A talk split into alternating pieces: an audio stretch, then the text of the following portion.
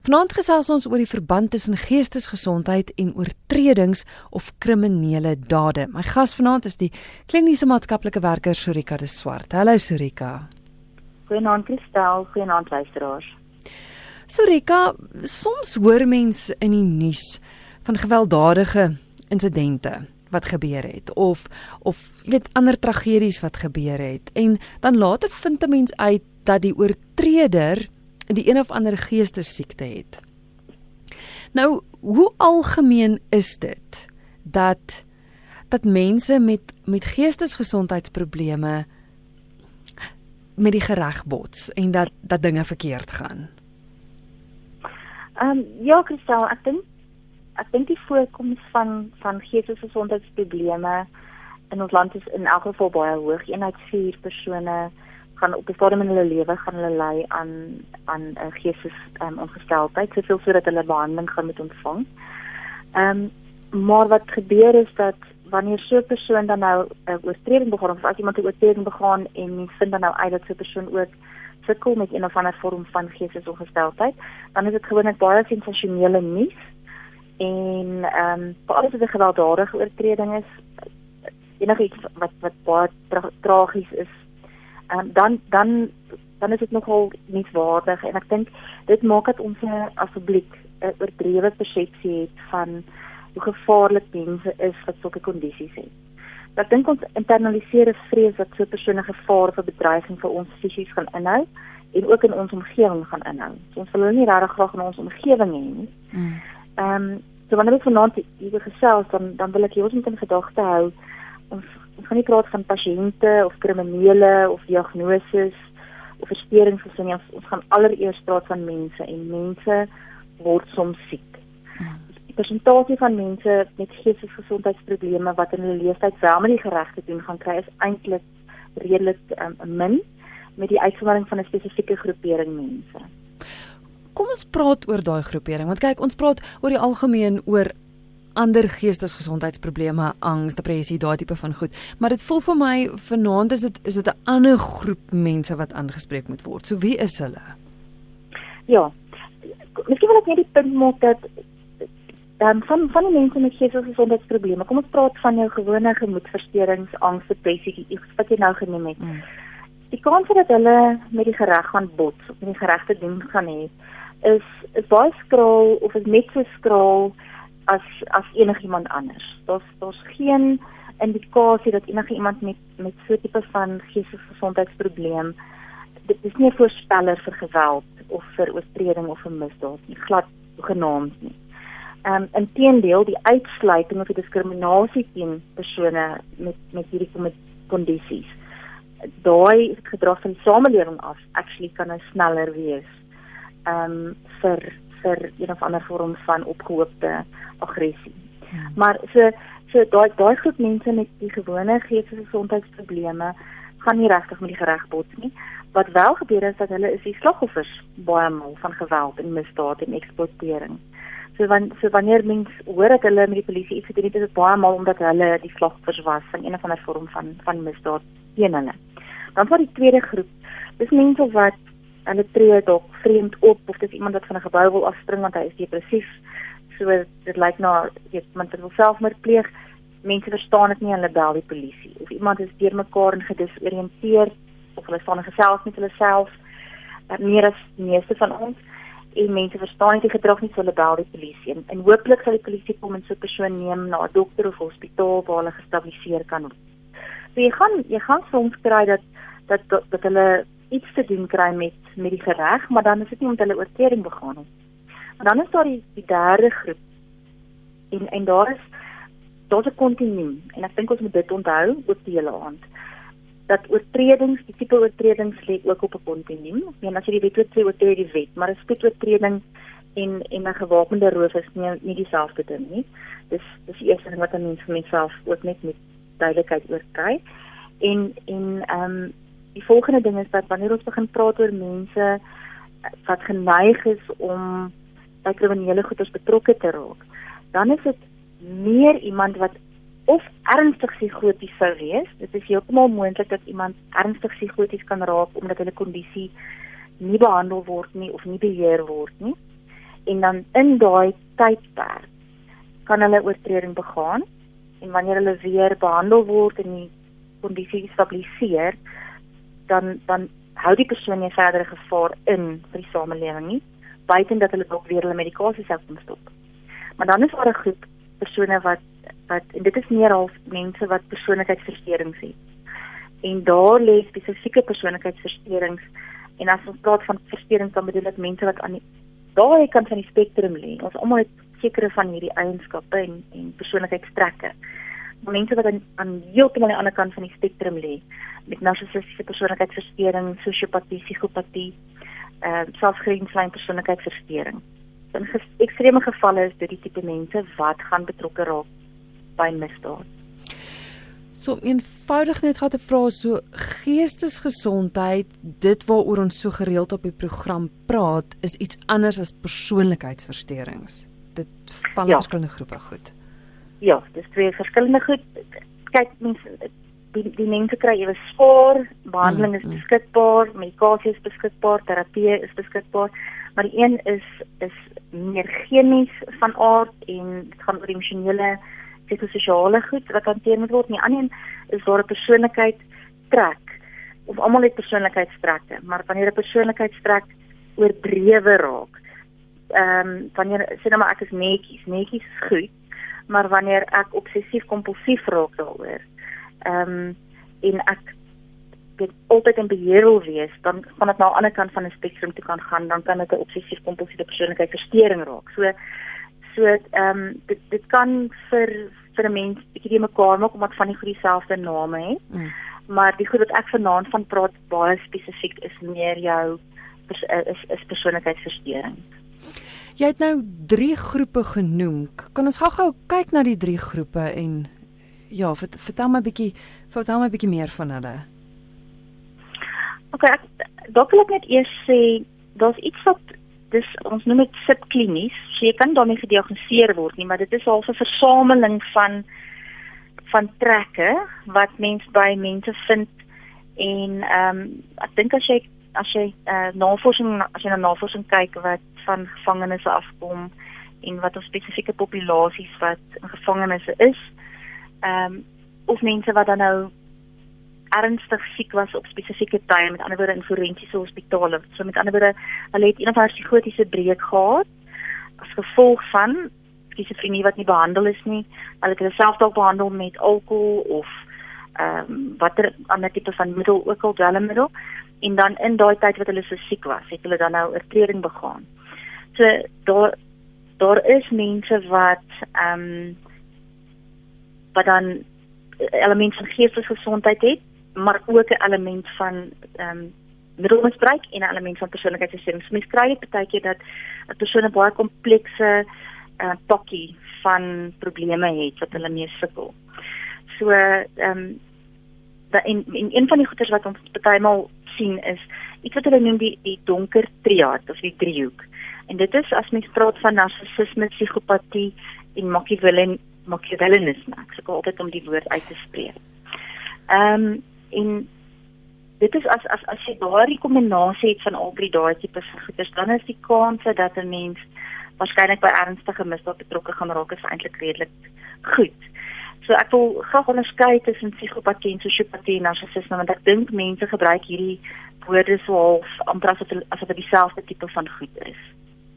Ja, so want dit jy's 'n vraag, ekskuus ook deurgekom van 'n luisteraar wat vra wat is die verskil tussen psigopatie en sosiopaat of of 'n psigopaat en 'n sosiopaat? En 'n sosiopaat. Hmm. Okay, so so so dit klink baie dieselfde en dit lyk baie dieselfde, maar die groot verskil is eintlik 'n psigopaat word gebore en 'n sosiopaat word gemaak. So 'n psigopaat is se brein is letterlik anders bedraad as myne en joune. As ek in gevaar kom of ek het iets vreesliks droog gemaak, dan slat ek in 'n sweet uit en my hartklop vinniger en my keel word droog, want my parasimpatiese nervosisteem word geaktiveer. So my hele lyf gaan in 'n vegvlug tipe van ding in. Ehm um, terwyl 'n psigopaat kan met 'n lijk agter in sy kar ry en die polisie kan hom aftrek omdat hy te vinnig gery het en hy sal nie 'n druppel sweet op sy voorkop kry nie. Want daai stelsel skop nie in nie. Die die die survival brein skop nie in nie. En wat ook erger maak is die deel wat empatie beheer funksioneer ook nie ordentlik nie. So hulle hulle word gebore met 'n brein wat neurologies anders bedraad is as die res van ons. Ehm um, en daarom alles dit is ook mense wat wat ehm um, en die kans dat hulle gedrag gaan verander of dat hulle gaan rehabiliteer is eintlik maar zero omdat ons nie in die brein kan ingaan en daai goed kan verander nie. Hmm. Jy kan vir iemand leer hoe, hoe empatie behoort te lyk of hoe hoe dit lyk wanneer 'n mens skuldig voel wat die tipe van goed is wat jy moet sê as jy jammer is oor iets. Maar ehm um, as dit nie iets is wat van binne af kom nie dan gaan 'n persoon waarskynlik weer dieselfde oortreding begaan. So so kan hulle ook byvoorbeeld 'n leenverklipper toets. Maklik deurgaan. Jy het maar jok en ehm um, dit sal glad nie wys nie want hulle kry nie die gewone angsrespons nie. 'n Sosiopaat aan die ander kant is hierdie tipiese ouetjie wat jy sal sê, "Man, dit was 'n ouelike kind tot hier tot hy hoërskool getref het." En toe het hy verkeerde maat gemaak en van toe af het dit net al al slegter en slegter gegaan en toe ons weer sien toe leef hy 'n lewe van geweld en misdaad en so aan. So wat dan waarskynlik gebeur het is dat ehm, 'n um, persoon vir te lank in 'n verkeerde omgewing tussen verkeerde mense was en verkeerde besluite geneem het en ek dink ook die gewete is ook nog maar so baie ander dinge in ons lywe as nie dit jy gebruik nie dan dan diskonnekteer dit eintlik amper en mense raak gedesensitiseer. As jy lank genoeg dieselfde ding verkeerd doen, dan om om die kognitiewe dissonansie te oorkom, dan dan voel jy later net nie meer skuldig nie. Jy weet jouself sê dit is oukei. Okay. En en dis die verskil tussen 'n gewone sosiopaat. Maar waartoe hulle in staat is, is, is min of meer dieselfde. Sou 'n sosiopaat gerehabiliteer kon word? Dis baie moeilik. Ehm um, die beginsel is dat as jy iets aanleer, kan jy dit afleer. So die as as as 'n sosiopaat op 'n laat stadium in hulle lewe hierdie gedrag begin openbaar het, ehm um, dan dan sou mens kon sê, weet jy, hier is werk wat gedoen kan word. Dit gaan baie langtermyn werk wees. Ehm um, maar dit is waarskynlik nie onmoontlik nie. Ek is nie 'n spesialis op sosiopatie en psigopatie, maar ek ek ek dink die die beginsel is gedrag wat aangeleer is is is ook gedrag wat jy kan afleer. Maar 'n persoon moet sal wou. Hmm. En as as die empatie eers ehm um, gediskonnekteer het en as daardie deel van die brein eers nie meer ordentlik funksioneer nie. Ehm um, en die, die ding is ook dat hulle self sal gaan verhelp want hulle sien nie 'n probleem met hulle gedrag nie. So so 'n persoon gaan waarskynlik gerehabiliteer kan word as dit moontlik is wanneer hulle met 'n hooftoesel iewers jy moet gaan vir terapie of berading of wat ook al. Ehm um, en hulle gaan nie sommer self opdaag vir terapie nie. Goed, so dis nou 'n 'n psigopaat en 'n sosiopaat, maar vinnig gou 'n 'n narcissus, hoe verskil dit dan? Ja. Goed, so net net net vinnig oor 'n psigopaat en sosiopaat as as mens hierdie DSM-5 gaan kyk wat ons diagnostiese statistiese handleiding is wat mense help om diagnose te maak dan gaan mens daai twee woorde nie daarin sien nie. Mens gaan iets sien wat hulle noem antisosiale persoonlikheidsversteuring. So net net sodat mense verstaan, dit is dit is een en dieselfde ding. Antisosiale persoonlikheidsversteuring is met ander woorde mense wat hulle nie steur aan normale morele kodes of die samelewing norme en standaarde nie. En party van hulle is gemaak en party van hulle is gebore. So net om net om daai punt net te beklemtoon. Nou eh, narcissistiese persoonlikheidsversteuring ons party mense sê daar's 4 soorte, party sê daar's 2 soorte.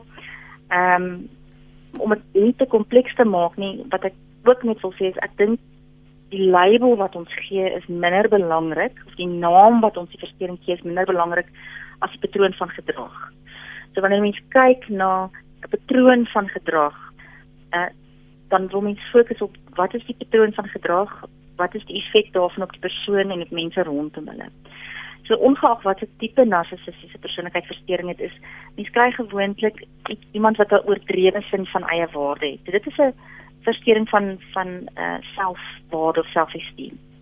Nou weer eens, alles loop 'n kontinuum. So as jy geen selfwaarde het nie, gaan mense oor jou loop. As jy nul daarvan het, gaan gaan mense reg oor jou loop. Terwyl as jy deur aan die ander kant is en jy kan geen fout sien wat jy ooit maak nie, ehm um, jy voel jy is spesiaal, jy die, die wêreld skuld jou, was arrogansie, dit daai tipe van ding. Dan begin dit lyk na narcissisme. Nou narcissistiese persoonlikheidsversteuring is nie 'n tipiese wrede persoon wat dalk fisies iemand iets gaan aandoen, geweldsmisdaad nie, maar wat daar gebeur is is interpersoonlike geweld. Ehm um, in in sin van die houding van finansies, emosionele afbreeking. Ehm um, so dit is ook dis ook 'n gevaarlike groep mense. Dis dis 'n groep mense met wie mense nie graag 'n verhouding wil gaan as hulle nie baie bereid is tot terapie nie byvoorbeeld. Hmm. Wat hulle wel soms sal doen is 'n wraak wraak neem. So hulle hulle sal stalk, ehm um, hulle sal iemand uh afpers. Dis nie so amper al sê dis dis daai wat hulle sou sê white collar crimes, maar dis ernstige oortredings. Want 'n narcissus het nodig om die hele tyd ehm um, goed goed te voel oor homself. So as jy iets sou doen om aan daai beeld te raak en hulle kry 'n ons noem 'n narcissiese besering, dan is dit moontlik dat hulle sal wil wraak neem. En dis dan wanneer hulle sal uh, selfs ietsie soos uh jou naam naam sleg te maak. So daar's daar's oortredings soos ek sê wat op 'n kontinent lê, maar dit maak steeds baie baie skade aan die persoon wat daaronder ly. Sommige net vir interessantheid word 'n narcissus ook gebore of gemaak. Hulle word gemaak. Gemaak. Hulle word gemaak. Goed. Ja. Is iemand wat vra wat is grenslyn persoonlikheidsversteuring? Goed, grenslyn persoonlikheidsversteuring is dis eintlik mense wat daaraan ly, kry eintlik ongelooflik swaar. En daarom wil ek versigtig wees wanneer ek dit saam met die gesprek van oortredings sit. En ek wil dit graag verduidelik. Ehm um, as ons as ek vir julle gaan sê wat die tipiese karaktertrekke is, dan gaan julle waarskynlik sê ehm um, sjoe, okay, wel ek het 'n bietjie van daai en ek het 'n bietjie van daai en ek het 'n bietjie van daai, want ons almal het so 'n bietjie van dit. Mm. Maar dit gaan weer oor die oor die die erns daarvan en intensiteit daarvan maar hierdie persone kry onge ongelooflik swaar uh, as gevolg van hulle kondisie. En wanneer hulle uitreageer, is dit nie 'n berekende, beplande tipe van oortreding nie. Dit is meer van 'n ontploffing, 'n impulsiewe iets. So die tipe goed wat mens gaan sien is by grenslyn persoonlikheidsversteuring is iemand wat 'n vreeslike vrees het vir verwerping. Hulle het intense onstabiele verhoudings. Daar's uh, impulsiwiteit. So hulle sal gevaarlike of problematiese goed doen sonder om enigstens te dink oor die gevolge. Daar's baie maal, maal selfmoordpogings uh, of dreigemente of selfbesering. Hulle kan nie hulle emosies reguleer nie. Hulle is baie hiperreaktief. So in steede van sê, okay, weet jy wat, ek is nou kwaad, maar ek hoef nie nou noodwendig te reageer daarop nie. Elke emosie wat hulle voel, word dadelik aan uiting gegee. En en daarom is dit moontlik hulle is onvoorspelbaar. Ehm um, en hulle is plofbaar. En en en en aggressie is waarskynlik een van die mees aktiefste van hulle gevoelens. Um, woede en vrees. So so die kombinasie daar is dat so 'n persoon kan op 'n impulsiewe manier aggressief uitreageer. Maar hulle is nie berekend in terme van om mense skade te doen nie. Ja. Goed, so is dit veilig of kan mens sê dat dat die antisosiale persoonlikheidsversteurings, die narcissistiese persoonlikheidsversteurings is meer geneig tot oortredings. Mens wil nie veralgemeen nie, maar hmm. meer geneig en die grenslyn kan lei daartoe. Kan ja. mens so sê? Ja, ek dink 'n mens kan met versigtigheid sê dat dat verskillende persoonlikheidsversteurings hulle meer leen na verskillende tipe van oortredings. Ehm um, en dat party van die oortredings is berekend en ander is reaktief uh op 'n emosionele gedisreguleerde ehm um, met interne staat. Maar wanneer ons praat oor die die antisosiale persoonlikheidsversteuring ehm um, wat spesifiek dan nou psigopatie en en sosiopatie insluit. Dit is jy jy het 'n moeilikheid, jy weet as jy as jy ehm um, as jy een van daai kondisies op sy ly want en, en om waar te sê ek dink nie hulle ly daaraan nie die mense rondom hulle ly daaraan. Mm, mm, mm. So daar's 'n die, die tekens wat ons na kyk is daar's geen empatie. Jy kan jy nie indink in hoe iemand anders moet voel nie wat beteken jy kan jy nie indink dat jou gedrag iemand anders skade doen nie of jy gee actually glad nie om nie. So is ook nie berou nie.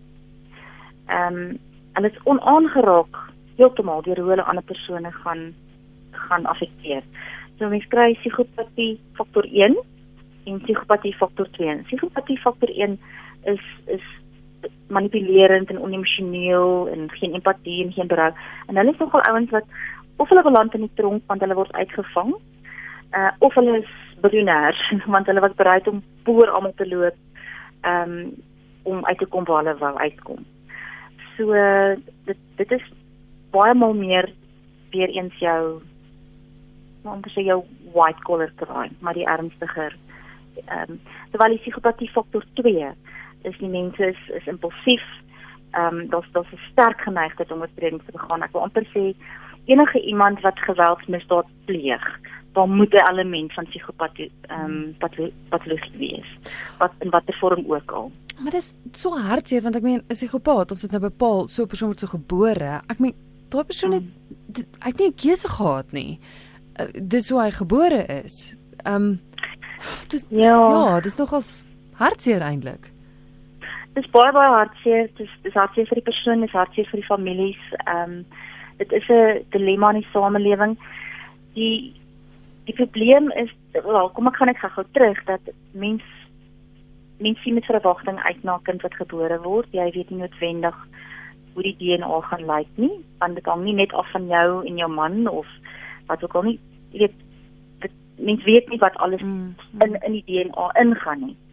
Ehm um, Maar op die ou ende wanneer 'n kind gebore word, kan 'n mens van jongs af sekere gedrag begin sien. Soos wat ek sê by die sosiopaat gaan dit eintlik redelik goed tot op 'n sekere ouderdom.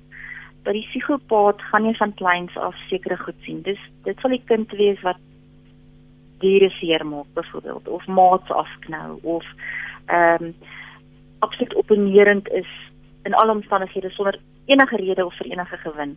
So jy gaan jy gaan redelik vroeg gaan jy begin agterkom iets is anders. En wanneer 'n mens betydshulp kry, dan is daar tog sekere goeders wat 'n mens wanneer so 'n persoon in 'n in 'n struktuur geplaas word, ehm um, as as ouers geleentheid gegee word en ondersteuning gegee word as medikasie gebruik word, dan sal sekere goeders wat mens waarskynlik kan doen om om voorkomend op te tree. Jy gaan nie die DNA verander nie. Maar ek dink mens skep 'n omgewing waar die die kanse vir oortreding ehm um, sê minder is nie. Ehm um, maar mens hoop. Mens hoop jy, jy kan tipe van 'n buffer skep. Ja, en solank daar hoop is, ek weet ek en jy het op staan gepraat oor die feit dat as mens, ek dink ook meer 'n bewustheid daarvan kweek, mense bewus maak daarvan sodat jy gou genoeg iets daaraan kan doen, kan jy dalk baie hartseer keer. Absoluut. Ek meen ons, ons kyk byvoorbeeld na jong mense wat hulle sal uh, praat van ehm um, ek gaan nou die Engels sê want dit kom so uit die DSM-5 uit maar um, conduct disorder of oppositional defiant disorder. Dit is alles dit is kondisies wat by jong mense ge, geïdentifiseer word en wat wat later begin lyk na psigopatologie. Ehm um, of dit nou psigopatologie wat of psigopat ehm um, psigopat of psigopat is dit is min of meer wat jy reeds sien wanneer 'n persoon jonk is en daar is spesifieke tipe uh terapeutiese modelle wat wat vir so 'n persoon ten minste kan help om 'n morele kompas te ontwikkel al is dit nie ingebore nie. Mm. Ehm um, daar seker daar is sekere goeders wat gedoen kan word om gedrag te te probeer rig. So as 'n mens vroeg ingryp, dan is daar tog dinge wat gedoen kan word. Ek wil ook sê dat mens moet nooit sê daar's geen hoop nie. Mm. So alhoewel ek nie glo dat ek glo dat sekere mense nie noodwendig gerehabiliteerbaar is nie. Maar ek dink dat hulle kan veilig gehou word. Ehm um, die samelewing kan van hulle veilig gehou word en hulle kan tog binne 'n struktuur kan hulle optimaal funksioneer as mense hulle die geleentheid gee. Mm. Maar ek dink mense moet die die balans tussen die veiligheid van die samelewing en en die persoon se funksionering en die persoon se ek wil amper sê ook sy reg op bestaan. Mm, ja, absoluut. Um, moet 'n mens daai balans met 'n mens reg kry. Ja, luister na geestesgesondheid. My gas is Sorika de Swart, sy's kliniese maatskaplike werker en ons gesels vanaand oor die verband tussen geestesgesondheid eintlik nou meer persoonlikheidsversteurings en oortredings of kriminele dade. Jy kan jou SMS stuur na 45889. Dit kos jou R1.50. Jy kan ook skakel 089 1104553. So Rika is 'n luisteraar wat vra en, en ek weet ek en Willem het vroeër vanmiddag ook gepraat daaroor dat mens sien verskriklik baie veral in daai regsdramas sien jy hoe iemand iets oortree of of iets verkeerd doen en dan sal die prokureur baie maal sê maar plead insanity of in of ander so iets. Um ja. Dikwels kom ons praat gou 'n bietjie so is is dit so eenvoudig in ons regstelsel miskien byvoorbeeld of of gebeur dit dikwels dat mense kom en dan sê jammer maar maar dis as gevolg van 'n geestesiekte wat ek het of so.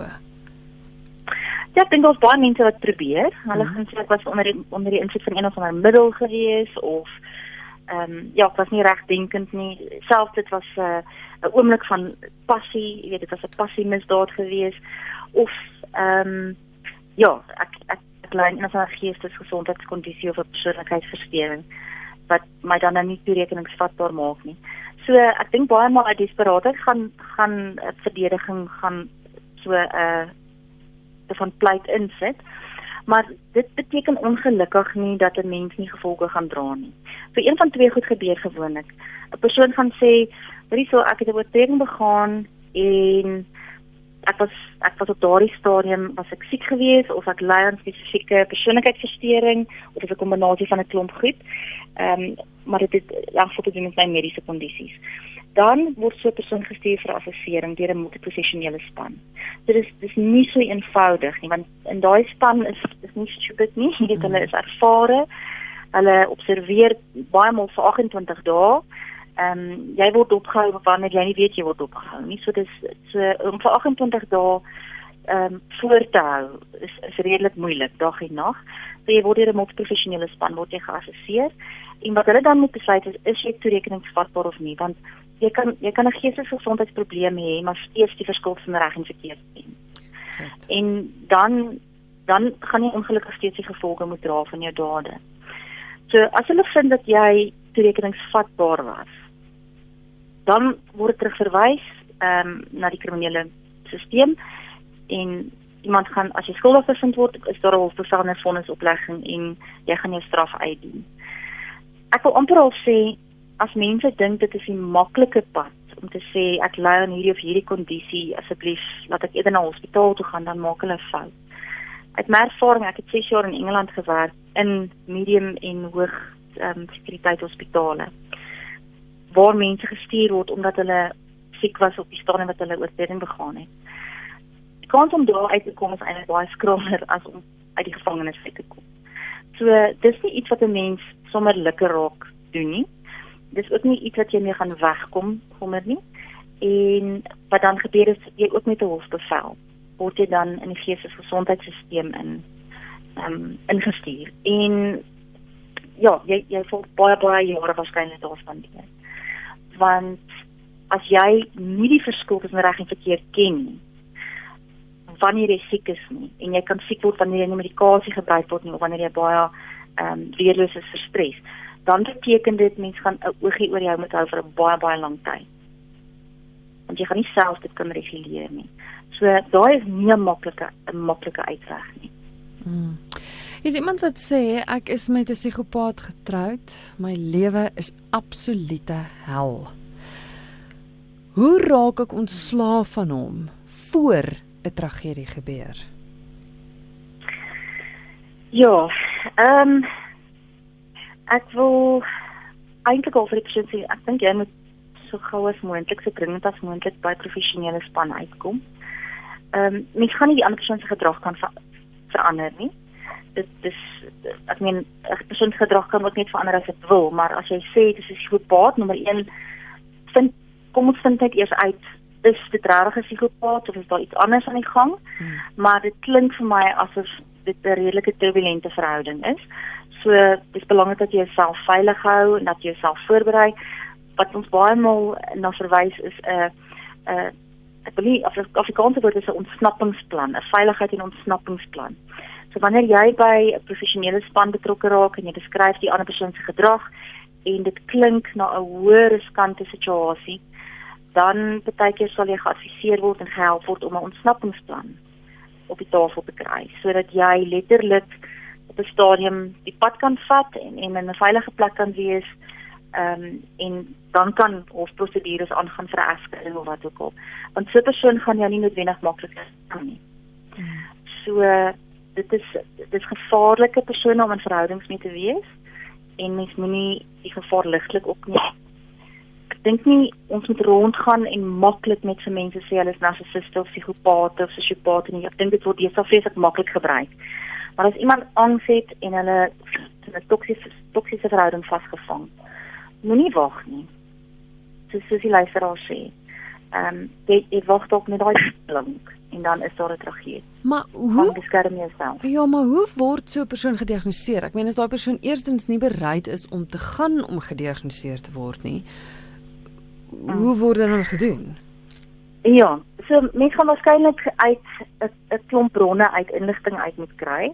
As so 'n enige oortredings begaan het, is dit is dit makliker want 'n mens kan kyk na na ehm um, die affidavits, die eerste verklaringe wat bestaan wat gedrag beskryf. Ehm um, as die persoon reeds by dokters was, dan gaan 'n mens kan inligting kry. Mens kan 'n risiko-assessering doen deur inligting te kry bloot uit die persone wat saam met die persoon of leef of wat ook al. So natuurlik is dit nie ideaal om iemand te diagnoseer nie, eintlik onmoontlik om iemand te diagnoseer as jy hulle nie self gesien het nie. Maar mens kan 'n 'n risiko-assessering doen. So ek wil weer sê wat ons die persoon gaan noem of label is minder belangrik as die patroon van gedrag en wat die patroon van gedrag impliseer vir ander persone. So ongeag wat hierdie persoon gelabel kan word as as iemand anders se lewe in gevaar is, dan is daar spesifieke stappe wat geneem kan word. Ehm um, en daarmee sal sal 'n kliniese span, dit is 'n psigiater, is ook 'n maatskaplike werker ehm um, en en moontlik dan na iemand van die polisie wat saamwerk vir jou daarmee kan help. Familie of waarskynlik. Is 'n SMS wat vra Surika, kan jy iets sê oor vlakke van morele ontwikkeling en uh kriminele gedrag en ook oor kognitiewe terapie in gevangenisse? Goed, kognitiewe terapie, moet jy net vir my verduidelik. Ek is seker of ek die die woord ken.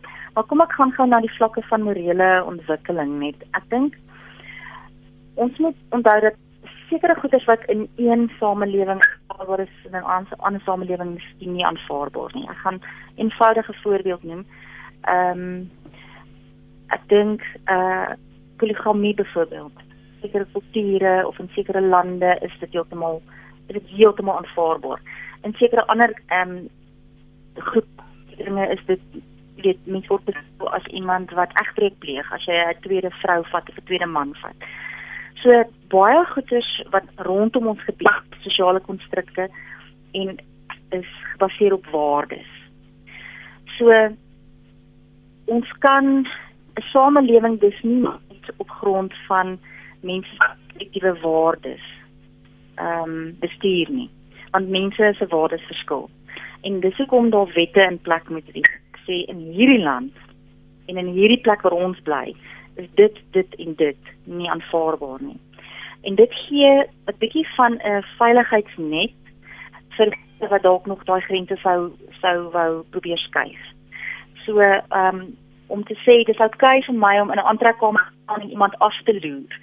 Uh maar as ek werk met mense wat uh, kompulsiewe seksuele gedrag het, dan sal hulle sê, weet jy, ek doen niemand skade nie. Hulle weet nie eers ek kyk hulle nie ja, weet jy wat, dis 'n oortuiging sê. Mm. Ehm um, en as daai persoon sou weet, sou hulle baie ehm um, nou, ek dink hulle sou baie net like gevoel het. So ehm um, dis belangrik dat ons van kleins af ons morele kompas ontwikkel. Maar elke samelewing het 'n sterk wette en en dit is ek dink dit is wat mense op die, op op 'n stadium eintlik half in plek gaan hou want mense kan afgestomp raak en mense hulle waardes verskil. Ek weet nie wat die die vraag antwoord nie, mm, maar ehm um, dit is waarom dit baie belangrik is dat daar tel eenvormige wette is wat almal moet volg ongeag hulle waardesisteem. Mm.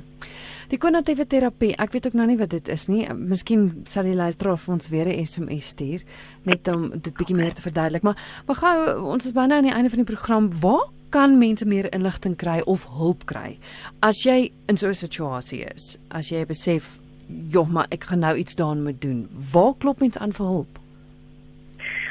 Ek dink dit is wel dis belangrik as jy self voel my gedrag is besig om uit uit beheer te raak. Ek ek is bekommerd oor my eie gedrag. Dan dan dan wil ek vir sê kom by 'n terapeut uit want dan is daar baie hoop. Die oomblik as jy nog bekommerd is oor jou eie gedrag, dan is daar baie wat wat gedoen kan word. So vroeër intervensie is is altyd beter want hoe langer mens droog maak, hoe minder skuldig voel jy daaroor as jy oor jouself bekommerd is, kom uit by by 'n psigiater of sielkundige. Ehm um, as as jy moet is vir iemand vir wie jy lief is of so met wie jy 'n verhouding het, met jou werk, ek dink een van die plekke waar mens begin is om uh, self by 'n huisdokter uit te kom en uit te waar is 'n psigiater of iemand wat dalk spesifiek in dit waaroor jy bekommerd is. Dan sal natuurlik SADAG wat die Suid-Afrikaanse depressie en angs um, ondersteuning ehm um, assosiasie is. Hulle webwerf is uh, uh, www.sadc.org. En uh, hulle telefoonnommer kan ek ook maar sommer gou vir julle gee. Dis 0800 20 50 26. So ek dink dis 'n goeie plek om te begin. Hulle sit met 'n klomp mense wat gaan weet in watter rigting om jou te verwys. Sorika baie dankie vir die gesels. Die telefoonlyn gee nou so 'n bietjie probleme nou so aan die einde se kant. So ek gaan jou groet, maar baie baie dankie vir vanaand se insiggewende program. Ek sal nou weer die kontak besonderhede um uh, vir die luisteraars gee. As mense met jou in verbinding sou wou tree, mag hulle? Ja, en hulle is welkom te gaan na my webwerf toe. Dit is uh, www.surikadeswart met 'n dt aan die einde. Um .co.za en van daar af sal my nommers kry en ehm um, kontak rede. Baie dankie vir die gesels. Wonderlike dag verder. Baie dankie gesel. Dankie. Dis Rika de Swart met wie ek gesels het. Sy is kliniese maatskaplike werker. Ons het gesels oor die verband tussen geestesgesondheid of dan nou persoonlikheidsversteurings en oortredings of kriminele dade. Vinnig gou weer die webwerf. As jy wil aanklop vir hulp www.sadag dis s a d a g.org en hulle nommer is 0800 20 50 26 0800 20 50 26